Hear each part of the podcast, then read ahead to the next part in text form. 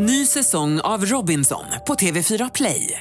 Hetta, storm, hunger. Det har hela tiden varit en kamp. Nu är det blod och tårar. Fan händer just nu. Det. är Detta är inte okej. Robinson 2024, nu fucking kör vi! Streama söndag på TV4 Play. Podplay. Bankrånare som råkar skjuta sig själva. En tant som telefonterroriserar en präst för att hon är kvinna. Och så Runar. Ja, många av dem som du hör i den här podden är riktiga karaktärer. Men kändisfestfixare som hamnar i brottsregistret för skjutning med vattenslang, det var nytt även för oss. Men så kan det gå till på kulturelitens paradis Österlen när två hetlevrade grannar ryker ihop. Välkommen till Misslyckade brott av Andreas Utterström och Mattias Bergman. Du hör ett nytt avsnitt av podden varje onsdag. Om du inte lyssnar på Podplay, för då kan du höra hela säsong 9 redan nu.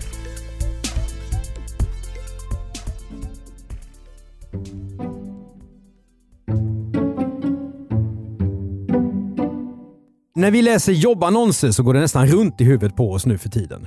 Mood manager, hundyogainstruktör, chief of happiness på kommunikationsbyrå. Vad jobbar folk med egentligen? Det här skulle kunna förleda oss att tro att yrkestitlar var enklare förr. Men så är det inte riktigt. För om vi går drygt 20 år tillbaka hittar vi ett unikt jobb som också är ett av de mest ljuvliga och märkliga vi någonsin sett här i Misslyckade brott. Nämligen festtraktör. Och det är bara två personer i historien som har haft det yrket. Och det är Ulf Lundqvist och Kicke Sturesjö. Den som minns kvällstidningen Aftonbladet från 1990-talet har nog inte kunnat missa de här två gynnarna. I tidningens söndagsbilaga upptog festtraktörerna Ulf och Kicke varje vecka flera sidor. Se, långt bak i tidningen var det. Vi hade alltid Aftonbladet hemma då. Eh, och det var ju sida efter sida med de här två.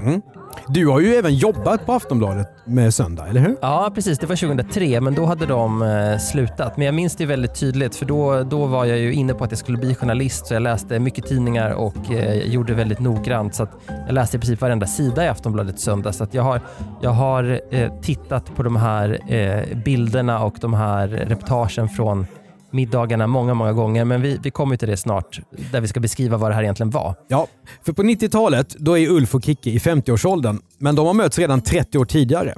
Då är Ulf en ung skådespelare och Kicki på väg till New York för att jobba i FN. Men sedan den dagen är de oskiljaktiga. De driver Julins festvåning på Söder i Stockholm och blir krogprofiler på 70-talet. Inte så konstigt då att de lär känna precis alla kändisar. För Sveriges glamour-elit, den verkar inte lika stor på den här tiden som den är idag. Men vad är Julins festvåning? Det, det är ingen restaurang alltså? Utan... Jo, alltså. Den här, ja, jag har ju inte varit där, men det är en form av restaurang. Jag får lite bilden av att den är ungefär som, som Alexandra var på 80-talet. Alltså det är ingen medlemsklubb eller så? Nej, nej, utan det, det, det är det nog inte. Sen hur mycket man måste abonnera den eller inte, det vet jag inte. Du vet hur det är med festvåningar. Men det är vid den här tiden som Ulf och Kicke blir vänner med prinsessan Lilian till exempel. Såklart. Men det är när tidningschefen Amelia Adamo upptäcker Ulf och Kicke som de blir en riksangelägenhet. Amelia är hjärnan bakom den här lite glossiga söndagsbilagan i Aftonbladet. Och hon inser att kombinationen kändis, bostad och mat är en perfect storm av glädje för läsarna. Festtraktörerna kommer att bli favoriter. Och så här kommer Kicke att berätta i Sveriges Radios program Stil. Och det är Sara Leander som har satt festtraktörer på för mig. För hon sa så här att ni är inga vanliga servitörer, ni är festtraktörer. Här är för min 40-årsdag med Sickan. Och vet du vad hon hade då? Då hade hon kungamedaljen på koftan. Det får man inte ha, men det skiter jag i som det har jag idag. Bara för att det är födelsedag. Och då har du drottningens kammarjungfru. Hon var ju snygg. Anna. Mm. Ja. Och eh, där har du Agneta von Schinkel. Och där är Bibo. Bibo, det är alltså Gunilla Bernadottes första man. Och där har du Sölve. Här är för prins Bertils 70-årsdag. Här krönte jag Alexandra på jubileum med en liljekonvaljkrona. Den som njuter av ett Ulf och Kicke-reportage får alltså både se en offentlig person i en rolig situation hemma och läsa recepten till en lyxig helgmeny. När festtraktörerna slår till så bjuder Sveriges kändisar på sig själva. Hockeyprofilen Rickard Fagerlund tar emot Ulf och Kicke vid dörren iförd ett komplett blågult matchställ. Minns du de här fotona? Ja, ja, ja. Dramatenchefen Ingrid Dahlberg, hon står mot en helt vanlig vägg med en blomkål i ena handen. Det är en väldigt märklig bild. Det här, är, det här är ju långt ifrån såna här snygga och uppställda matbilder som tas i magasin idag, utan det här var ju något, något helt annat. Ja, men det är lite som att man skickat ut en liksom, blåljusfotograf och göra feature. Ja, otroligt egentligen. Ja. Men så här kan det se ut och ganska ofta verkar det som om kändisen som bjuder till middag aldrig någonsin har lagat mat förut.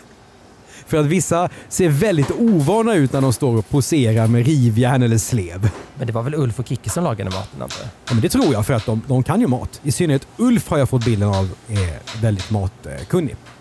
Och festtraktörerna då? Ja, Ulf och Kicke, de är lite som svenska versioner av de här amerikanska tigerartisterna Sigfrid och Roy. Ulf, han har kort, stiligt, vitt sprethår. Kicke har en mer destinerad backslick, lite som man tänker sig som en orkesterdirigent brukar se ut på film. Vi tror i alla fall att det är så här det hänger ihop. För att vem som är Ulf och vem som är Kicke, det är inte alltid helt säker på vem, vem det är. De, de kommer ju alltid i par. Det är lite som med Björn och Benny, eller just Sigfrid och Roy. Vem är Ulf och vem är Kicke? Vi, har, prickar du det här? Eh, jag tror att Ulf är den långa. Ja, för en är ju synbart längre än den andra. Och, och ljushårig. Jag tror att Ulf är den långa. Mm, Ulf är också lite äldre för övrigt. Jag har ju klistrat in en bild här på dem från eh, när Aftonbladet har gjort en bilaga här med deras middagar. Och de, de, den är underbar, för här ser man att, att tiden har gått. Så där skulle man aldrig göra ett tidningsomslag idag. Då står de då i, i eh, är det smoking Mm. eh, eller frack? Nej, Ja, smoking. det. smoking. Eh, svart smoking, eh, vita skjortor och eh, blåvitprickiga flugor Mm. och står uppställda vid ett bord som inte ser superlyxigt ut. Det ser ut som att man har köpt Alltså, det- silvergrejer från en antikaffär och så står det någon champagneflaska där och, och Kicke håller också handen på ett lite onaturligt sätt på bordet och sen är rubriken “Varsågoda”. Ja, Inte jättekreativ. Nej, det är det inte. Alltså det här bordet, det ser ju väldigt eh, konstigt och billigt ut på något vis. Men, men du som har satt många rubriker, du har ju redigerat på, eh, Mm. jag vet inte, du har inte jobbat på Aftonbladet va? Nej. Men Expressen har du jobbat Mm. på. Eh, vad hade du satt för rubrik här? Du hade ju inte skrivit varsågoda. Alltså, idag och även på min tid, man hade ju aldrig gjort så här tror jag. Eh, Man hade fotograferat dem på ett annat sätt idag tror jag. Men du hade skrivit fest! Utropstecken. Ja, det tror jag. Eller något sånt där. Ja. Var- Det det är lite passivt. Var så goda. Men sen finns det ju också i vänsterspalten då massor av goda recept med och sen har vi då fyra stycken olika kändisar Ja. som figurerar i tidningen. Exakt, och jag tänkte vi skulle prata lite grann om de här. För att Mm. eh, de här kändisarna då, de är alltid väldigt glada och inbjudande. Det är en väldigt trevlig stämning kring de här reportagen såklart. Och matrecepten de är också anpassade efter 90-talets trender, vilket, är väldigt roligt att läsa idag. Och de här rätterna får ofta namn som passar då själva kändisen som bjuder in. Så jag har några exempel här då. Vi har till exempel då Thomas Brolin och Paolo Roberto som tillsammans bjuder in på pasta. Sen får man lära sig att laga gäddfärstimbal stal från Holstein. Vad är timbal? Det är ju en färs liksom, som eh, har lagts i en skål med lite grönsaker. Så alltså, tänk på gäddfärs, det blir lite såhär fiskbulle eh, karaktär kan man säga. Och kopplingen till Stahl von Holstein, den är lite långsökt eller? Ja, jag fattar i alla fall inte, för det är väl Johan Stahl från Holstein Ja, jag utgår från det. Och, och han känns inte som en fiskare, men, men Ja. sånt spelar ju ingen roll. Nej, däremot känns ju Claes Malmbergs slanggurka oerhört konsekvent.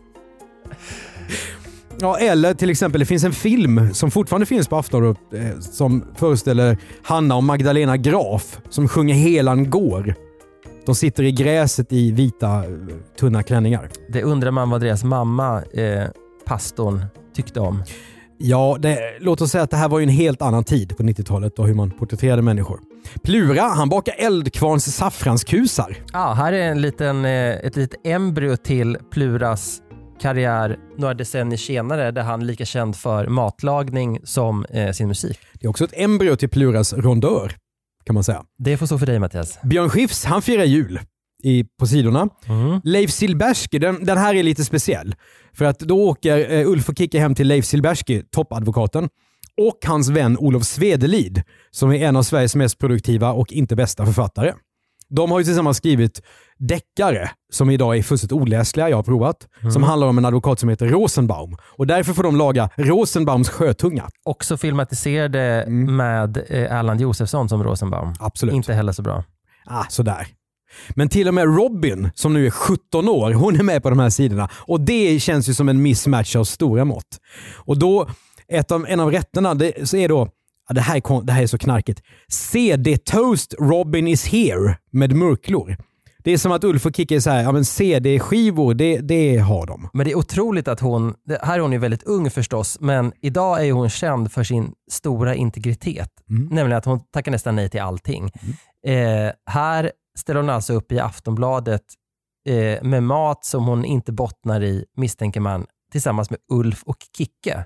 Ja, jag vet inte om det är en fördom, men min fördom om de här sidorna i tidningen är ju inte att Ulf och Kicke liksom appellerar till tonåringar.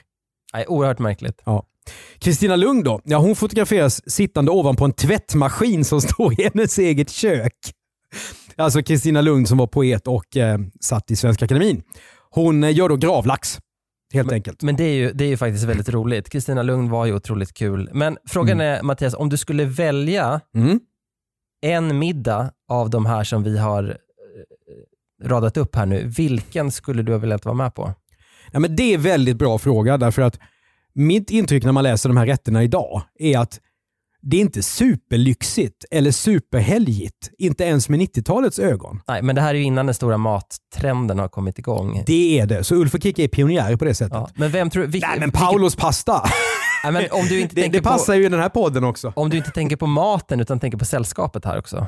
Vad, vilken middag tror du skulle ha varit Ehm, Jag roligast? tror att, att äta en middag med Claes Malmberg, det kan inte vara tråkigt. Nej, jag skulle också säga det faktiskt för att jag har intervjuat honom när jag fortfarande jobbar som journalist och han är faktiskt oerhört trevlig och eh, rolig att prata med. Så att jag tror att honom hade jag också valt. Alltså Kristina Lunds gravlax låter inte, inte otäck heller. Det hade kunnat bli en, en, en eh, rolig middag om hon inte hade vaknat på eh, fel sida. Men eh, ja, Här finns i alla fall ett, eh, alltså otroligt mycket för att genom åren åker Ulf och Kicke hem till 600 kändisar enligt dem själva. Och eh, Ulf och Kicke, det finns ingenting som tyder på att de är lögnare på något vis. Ja, Eller men- har behov av att skryta. Men med tanke på hur litet Sverige är och att kändis-Sverige var ännu mindre på den här tiden, därför då kunde det inte komma fram influencers eller youtubers eller någonting. Eh, då måste de ju ha gjort vissa av dem flera gånger. Det tror jag också. För 600 kändisar finns inte Nej, det tror jag 90-talet. också. Eh, Och en stor del av de här hembjudningarna på 90-talet, de sker ju hos personer som var väldigt stora då, men som alla inte riktigt har koll på idag. Och Det för oss över till ett litet quiz jag tänkte köra med dig. Ja, vi kanske också bara ska säga att vi kommer till det misslyckade brottet, men vi måste Ja, ja, men vi kan inte gå förbi det här Nej. för fort, för att det här är lite viktigt. Nej, men jag, jag vill bara säga Mm. till dig som lyssnar att Ja. det kommer ett misslyckat brott, men vi är så kära i Ulf och Kicki så vi måste liksom dra bakgrunden för dig som inte läste Aftonbladet Söndag på 90-talet. Ja, det är alldeles riktigt. Nu kommer jag alltså att säga namnet på en mycket känd person på 90-talet Mm. och jag vill att du berättar för mig vad de var kända för. Ja, vad roligt. Samtliga har alltså varit med på Ulf och Kickes sidor och vi börjar med Paula Pensäter. Den här är lätt. Eh, och vi ska bara säga att jag har ju inte fått de här på förhand. Jag tro, har för mig att hon var dansbandssångerska. Absolut. Mm. Visex till exempel. Per-Erik Nordqvist.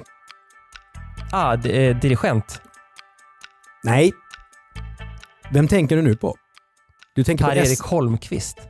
Kurt-Erik Holmqvist. Ja, precis. Nej, Säg- per, säg. Per-Erik Nordqvist. Nej, det vet jag inte. Han var tv-programledare. en av de största vi haft. Han har lett Sveriges Magasin, Hallå Sverige, Hallå Bilist, Lördagens Sommarnöje och Café Örebro. Det borde jag ha kunnat eftersom jag kommer från de trakterna, men det har helt glömt bort honom. Jerker Dahlman. Ah, Robinson-vinnare. Ja, bra. Vä- väldigt smal, gick upp i rök, eh, har inte synts till sedan dess. Han eh, låter eh, Ulf och Kicke laga Robinsons ostronskivlingssoppa. Till exempel. Men har du blivit sugen på att laga någon av de här rätterna? Nej. För det, det man ser också när man tittar i gamla både kokböcker och mattidningar är ju att matfotograferandet var ju något helt annat. Det var ju fortfarande flygbilder på vit tallrik eh, med hårt ljus. Så ibland såg ju maten ganska äcklig ut. Ja, det, det är ju ibland fyra nyanser av brunt på de här sidorna och det som vi kallade för glossy i papperskvalitet, så glossy är det ju inte heller. Så att det, det, det måste nästan ses på riktigt. Vi tar några till. Mm. Jessica Einarsson. Artist tror jag. Ja, helt rätt. Eh, hennes mest kända låt är nog Allt som en kvinna ska ha. Margareta Sjödin. Den kan jag inte. Nej, hon var känd eh, skådespelerska och eh, vi ser det 60-talet. Och till slut, Göran Värv. Det här är inte superlätt kanske. Nej, den kan jag inte heller. Glasformgivare på Kosta Boda. Så, nu stänger vi den. Mm. Ny säsong av Robinson på TV4 Play. Hetta, storm, hunger. Det har hela tiden varit en kamp. Nu är det blod och tårar. Fan händer just nu. Det. Detta är inte okej. Robinson 2024, nu fucking kör vi! Streama söndag på TV4 Play. Ett poddtips från Podplay. I podden Något Kaiko garanterar östgötarna Brutti och jag, Davva, dig en stor dos skratt. Där följer jag pladask för köttätandet igen. Man är lite som en jävla vampyr. Man har fått lite blodsmak och då måste man ha mer. Udda spaningar, fängslande anekdoter och en och annan arg rant. Jag måste ha mitt kaffe på morgonen för annars är jag ingen trevlig människa. Då är du ingen trevlig människa, punkt. Något Kaiko, hör du på Podplay. Därför är Kontentan är följande. Ulf och Kicke, de känner alla och snart så lär alla känna Ulf och Kicke också genom Aftonbladet. Många reportrar brukar ju hålla lite distans till personerna som de skriver om, men det gäller inte Ulf och Kicke. Man får lätt känslan av att de ofta är personliga vänner till åtminstone hälften av alla de som de är hemma och invaderar med pastaslev och Ulrika Hydman Wallin-vaser och dukning ton i ton som det var på den här tiden. Alla verkar också tycka väldigt bra om Ulf och Kicke. Och här vill jag införa att vi, vi gillar ju de här väldigt mycket. Och det är inte så svårt att säga, men många har ju varit ganska elaka och drivit med Ulf och Kicke. Till exempel eh, den här så kallade humoristen Peter Wahlbeck från Halmstad. Han har ju haft en hel rutin på 90-talet om Ulf och Kicke.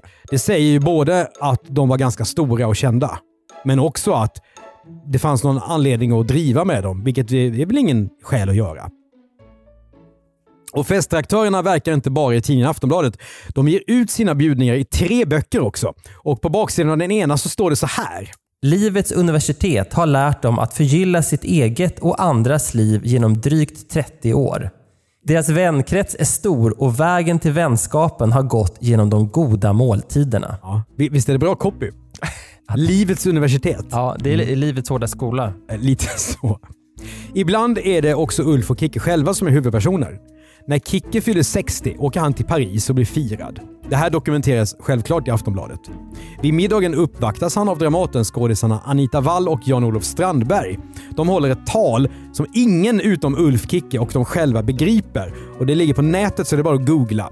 Men du, du måste berätta lite mer nu. Eh, vad är det som är så obegripligt med det här talet? Det det går, det går, alltså jag funderade på om vi skulle läsa upp en bit av det. För det, de, de här, Anita Wall och Jan-Olof Strandberg har liksom gjort det här i par. Men det, det går inte att framföra det. Det är jättekonstigt. L- lyssnarna måste bara googla. Håll inte tal i par. Gott råd.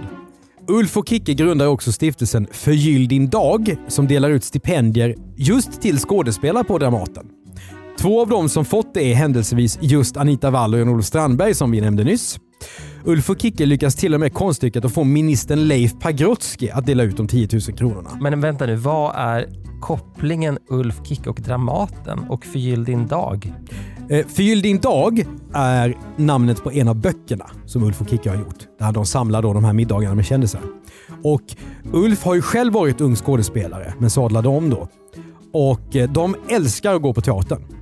Eh, Man kan, jag misstänker också att de känner vissa av skådespelarna på Dramaten. Men det hade varit mer logiskt att dela ut stipendium till någon annan som jobbar med mat. Ja, det, det är din tolkning. Ja, det är min tolkning. Ja. Låt oss sammanfatta lite grann här innan vi går vidare till själva brottet. Ulf och Kicke gör inte en fluga för när. Deras liv handlar om att göra andra människor glada. Både oss Aftonbladet-läsare som gillar kändisar, Dramatens skådisar och svenskarna i allmänhet. Så frågan är vad de här glädjespridarna har att göra i det här poddavsnittet egentligen. Jo, en av festaktörerna är faktiskt huvudperson i ett brottsfall, nämligen Kicke. Det är alltså den kortare med backslicken. Vi lämnar 90-talet bakom oss och åker dessutom söderut. Vi ska till det skånska Österlen, närmare bestämt det vackra naturreservatet Hagestad utanför Ystad. Här är det ju fruktansvärt vackert i de här trakterna och många som inte är skåningar de vill ha ett ställe här. Den som gillar kändisar, eller är kändis, är som fisken i vattnet. Att Ulf och Kicke drömmer om ett sommarställe här är inte det minsta märkligt. En annan kulturkändis som bor här nere det är Inger Åby, 67 år. Inger är regissör och har jobbat på SVT. 2001 blir en klassisk Skånelänga då i Hagestad i Löderup öster om Ystad ledig. Inger hjälper Ulf och Kicke med själva husaffären. Festreaktörerna har landat sin semesterdröm och deras nya hus ligger bredvid Ingers. Men efter bara ett år är den goda grannsämjan över. Då vill Inger inte ha någonting med vare sig Ulf eller Kicke att göra. Och så här kommer hon att berätta i tingsrätten. Då läser jag direkt från domen då, som för övrigt är fantastisk. Då berättar Inger Åby då under rättegången så här. Hon störs så mycket...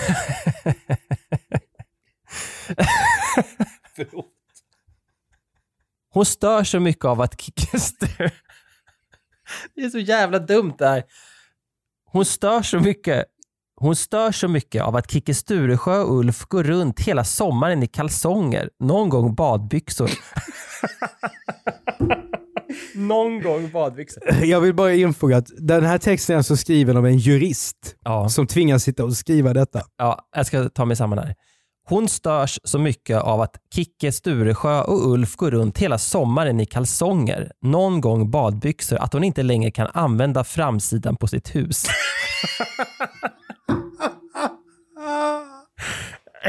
ja, det blir ännu bättre. Även besökare till henne finner beteendet mycket obehagligt. Hon har därför anlagt en uteplats på norrsidan av sitt hus i ett läge där grannarna endast har sin biluppställningsplats och där dessa därför har väldigt liten anledning att vistas.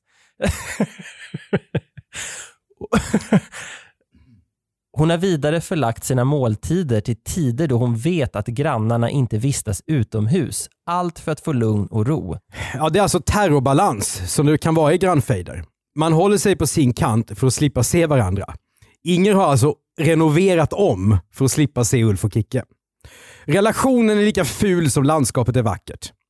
Men 2005 ska Löderup skakas när Kicke Sturesjö och Inger Åby ryker ihop. Och ska vi bara påminna nu om att hon var den som hjälpte Ulf och Kicke att köpa det här stället. Och, så de har uppenbarligen varit vänner innan och sen så har allting gått överstyr när de då fick se lite väl mycket av varandra.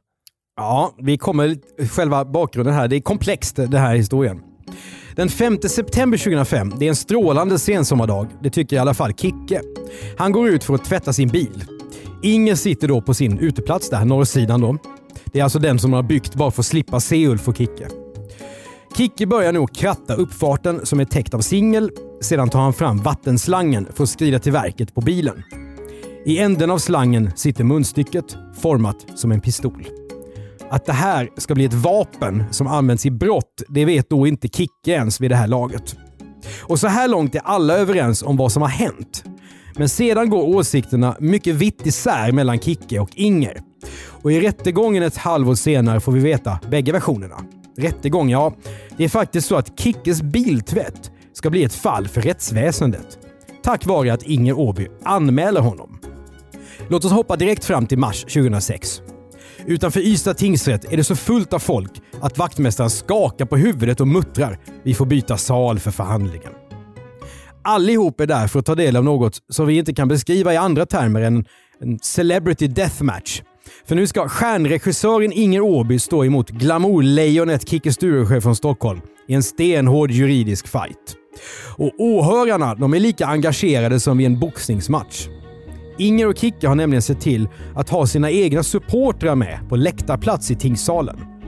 Inger har flest kompisar och de hörs också mest under rättegången. Detta enligt tidningen Aftonbladet. Medan Inger och Kicke berättar vad som hände den där dagen i september, då tvingas rättens ordförande varna åhörarna. Om ni inte kan vara tysta, då måste ni lämna rättssalen. Så är det dags för tingsrättens domare och nämndemän att få en bild av varför Kicke och Inger nu sitter och fräser mot varandra som ilskna katter. Jo, som så ofta när det handlar om grannfejder så har det börjat med ett bygge. Ulf och Kicke har byggt till en flygel på sitt hus. Flygeln är bredare än vad Inger tycker om. Och framför allt är det nya huset exakt 30 cm för högt för att Inger ska kunna ha eftermiddagssol på sin uteplats. Och den skuggan gör henne vansinnig. Enligt ett referat så säger hon så här i tingsrätten. I nämnda flygel lät de dessutom bygga... I nämnda flygel lät de... Det, det är så lågt. Det är så lågt. I nämnda flygel lät de dessutom bygga ett toafönster som ständigt stod öppnat. Nej.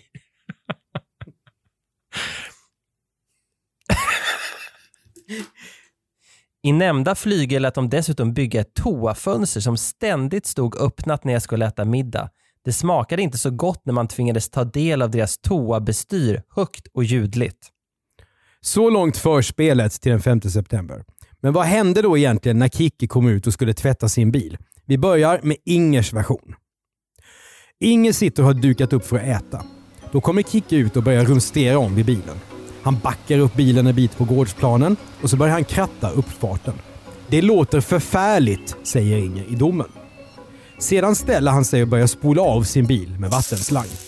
Men inte bara bilen, utan Kikki råkar spruta rakt in på Ingers tomt. Och den här vattenöverträdelsen den kan Inger såklart inte tåla.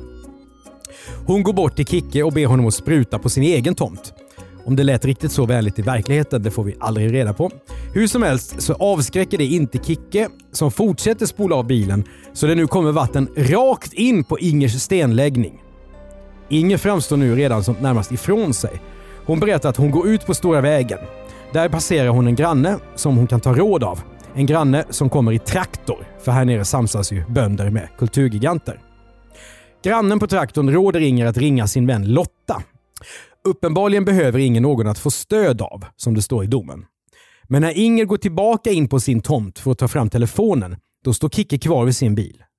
Nu sprutar han vatten rakt framför henne in på hennes tomt där hon går. Inger ber Kicke, kanske är tonläget aningen högre, återigen att sluta spruta. Då tar händelsen en dramatisk vändning. Kicke höjer vattenslangen. Handgreppet hårdnar kring pistolhandtaget. Han trycker till och sprutar ut vatten rakt på Inger. Hon rusar bort mot sin uteplats för att ta skydd. Kicke laddar om. Ytterligare två sprut träffar Inger. Det kändes som att vattnet var på högsta tryck, berättar hon. Ha i åtanke att detta är vuxna människor. Tycker du det låter så? Inger är nu upprörd. Hon lyckas ringa sin vän Lotta som störtar till undsättning. Men medan de står på tomten och pratar om det som har hänt, då dyker Kicke upp igen. Han tycks dra snabbare än sin egen skugga. Tre gånger fyrar han av en vattenkaskad över Inger. Två gånger rakt i ansiktet. Slagfältet är kaotiskt. Inger är genomvåt. Bordsduken och matplatsen är blöta. Fem grannar samlas hemma hos Inger och stannar i en timme för att debriefa. Men det är inte så att hon tar till handgripligheter och springer in på grannens tomt och börjar veva med någon kvast eller någonting? Nej, det, nu är vi på Ingers version och där står ingenting om något sånt. Nej.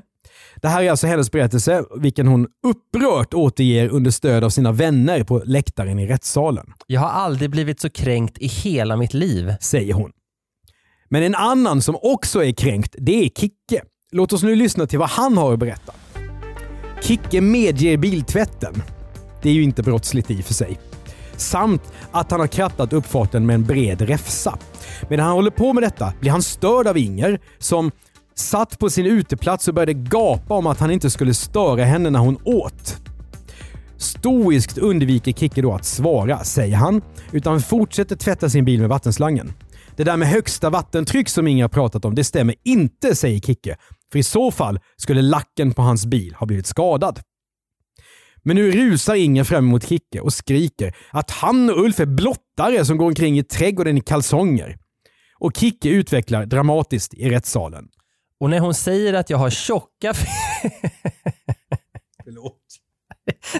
det tar ju aldrig det, här är, det här är faktiskt tragiskt. Och när hon säger att jag har tjocka, feta, stinkande bilringar, där går ju gränsen. Jag blev djupt sårad och kränkt.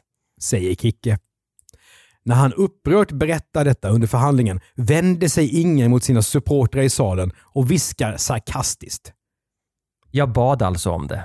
Hennes hejaklack fnissar och rättens ordförande hyschar Inger. Detta enligt Ystad Allehanda som bevakar rättegången.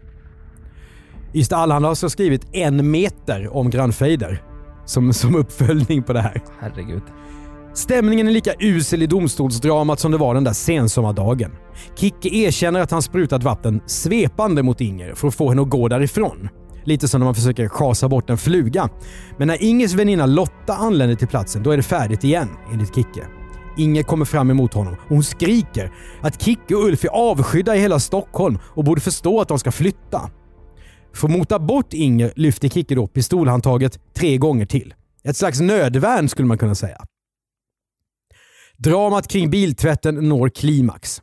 Flera av Ingers vänner kommer då hem till Inger. Det här är fortfarande enligt Kickes version. Och när de går runt i trädgården känner Kicke sig så hotad att han inte går ut mer ur huset. I rättssalen säger han att han är tvungen att gå på toa och kräkas för att han är så kränkt. Det är intressant här att båda använder ordet kränkt. Det här är det värsta de har varit med om och så vidare. Eh, lite överord kan man tycka.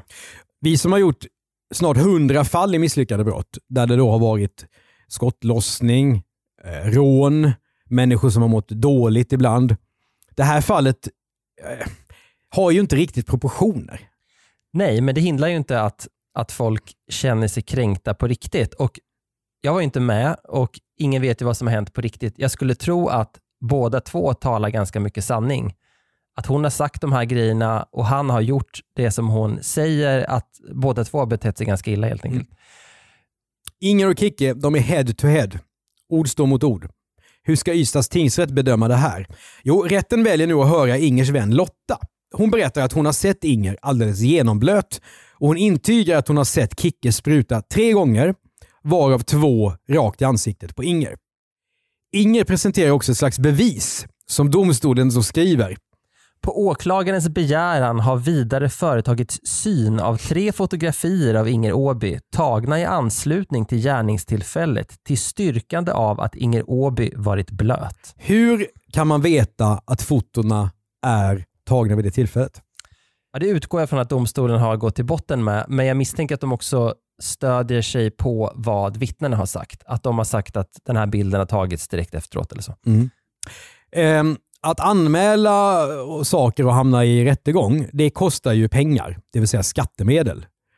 Ehm, hur, när du tänker på det, hur känner du inför det här målet? Ja, men på, på, ett sätt är det helt orimligt att en domstol ska lägga tid på det här. För det, det är, En åklagare ska lägga tid på det, det ska hållas förhör, de ska ha eh, advokater och så vidare. Å andra sidan är det något fint över att det här faktiskt har hamnat i domstol, för det, det, det visar att det som man på håll kan tycka är trams ändå tas på allvar. Så det är något slags bevis för att rättssystemet eh, fungerar. Sen hoppas jag att eh, de la lagom mycket tid på det här. Och inte, det tror jag du kan utgå ifrån. Och inte att förhandlingen tog jättelång tid och att någon advokat eh, har fakturerat sjukt mycket pengar för det här. För Det kan man ju ha synpunkter på förstås. Mm. 30 mars 2006 faller domen. Den är sju sidor och det är inte så mycket. Rättens ordförande skriver att Ingers väninna Lotta är trovärdig trots att hon är kompis med Inger. Och därför döms Kicke för totalt fyra vattenattacker. Kickes agerande måste anses vara ett hänsynslöst beteende. Något ansvarsbefriande samtycke från Inger Åby har inte förelegat. Ja, så står det på ren juridiska i domen. Ofredande är det som Kicke har gjort sig skyldig till. 3 600 kronor i dagsböter ska han betala. Inger har yrkat på 10 000 kronor i skadestånd, vilket jag tycker är närmast stötande måste jag säga. Och Det är lika mycket pengar som det här stipendiet som Ulf och Kicke delar ut. Men tingsrätten bestämmer att hon ska inte ha en krona av det där. Jag undrar hur hon eh, räknade sig fram till det. Hon kände sig så oerhört kränkt då, så därför ska hon ha. Högst oklart. Eh, det anges ju inte vad man ska ha pengarna till när man vill ha skadestånd. Nu är Kicke en misslyckad brottsling och Inger Åby det våtaste brottsoffer vi hittills har berättat om i den här podden. Men Ystads tingsrätts lokaler de kommer att få fler besök av Ulf och eh, Kicke och Inger. För redan i oktober är Kicke och Inger på plats igen för en ny rond. Nu handlar det om skit igen.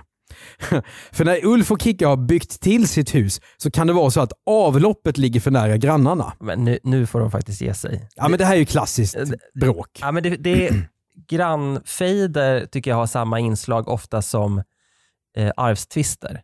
Mm. Att folk är så fruktansvärt arga så att de fullständigt tappar eh, proportionerna. Mm. Eh, för det är en sak om man har blivit, eh, fått vatten i ansiktet oavsett hur hård strålen var. Det här var ju likna trams med avloppet och man misstänker att det handlar om, inte handlar så mycket om avloppet utan om att eh, Inger bara är väldigt, väldigt arg på sina grannar. Ja, precis. Vi vet ju, ja, vi vet ju inte någonting om detta, men det händer ju ibland att i kulturbygder och vackra bygder så kan man bli lite avundsjuk när någon får bygglov för att bygga ut hus som är gamla. Och sen ska vi inte glömma det här med utsikten. Eh, alltså utsikt och eh, att man vill ha eftermiddagssol. Ja, Det ska, den det är- ska man passa sig för att, Ja. att eh, reta upp grannarna när det gäller det. Och, och du berättade ju för en stund sedan här att, att hon eh, hade blivit av med sin eftermiddagssol. Så att, ja, där begick väl Kicke och Ulf ett taktiskt misstag kan man säga. Definitivt. Och inte heller den här gången så kan Kicke och Inger hålla sig i skinnet i rättssalen. Det stinker, säger Inger och grannarna om Kickes och Ulfs nyborrade trekammarbrunn. När miljödomstolens experter ska fråga ut Inger, då hinner hon inte ens öppna munnen innan Kicke vrålar “Lögn!” och får en tillsägelse av ordföranden. Men den här konflikten vinner han och Ulf. Miljödomstolen går på deras linje, så det är Kicke-Inger 1-1.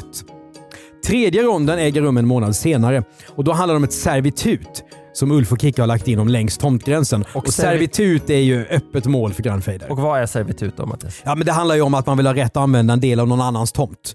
I det här fallet då Ingers tomt och lycka till med den. Men innan Ystadborna hinner flockas till domstolen så förlikas Ulf och Kicke med Inger. De gör upp. Det var intressant att vara med under den eh, förlikningen eh, och se hur den som lyckades sy ihop det här eh, gick tillväga. Ja men verkligen. Frågan är om de ens själva var med. Det kanske var två advokater som satte sig ner. Ja, det- det, jag tror att man brukar göra är att man, man förklarar hur mycket det skulle kosta att bråka om det här, hur mycket tid det skulle ta och är det inte bättre att vi gör så här istället?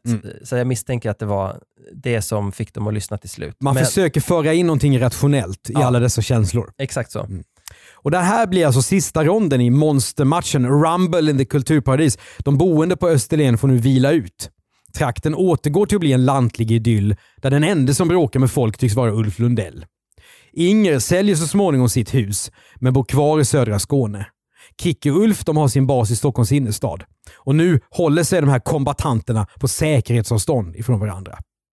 Idag är Kicke 81 och Ulf 88 år. Artiklarna om den blöta grannfejden är inte lika många som deras festtraktörreportage. Men både Kicke och Inger är ihågkomna för evigt i misslyckade brottshistorien. Österlen var helt enkelt för litet för de båda. Du har hört ett avsnitt av Misslyckade brott av Mattias Bergman och Andreas Utterström. Exekutiv producent är Jonas Lindskog. Du som lyssnar på podden i Podplay kan lyssna på alla avsnitt i säsong 9 redan nu. Du som lyssnar på ett annat sätt får vänta till onsdag för att få ett nytt avsnitt. I säsong 9 kan du till exempel höra om rånaren som blev utskrattad, Göteborgskomikern som drog TV4 till Högsta domstolen och dokusåpastjärnan som ljög sig blå. Tipsa gärna om andra fall som vi borde prata om här till misslyckade.bplus.se. Det är B plus med bokstäver. Normalt sett driver Andreas Utterström och jag innehållsbyrån Commercial Content och medietränar bland annat personer. Kolla på Medieträning 2.0 så får du se. För Podplay så gör vi även poddarna Jag var där, Misslyckade affärer och Misslyckade makthavare. Prenumerera gärna på podden i din poddspelare och betygsätt den så är det fler som hittar till den. Vi hörs!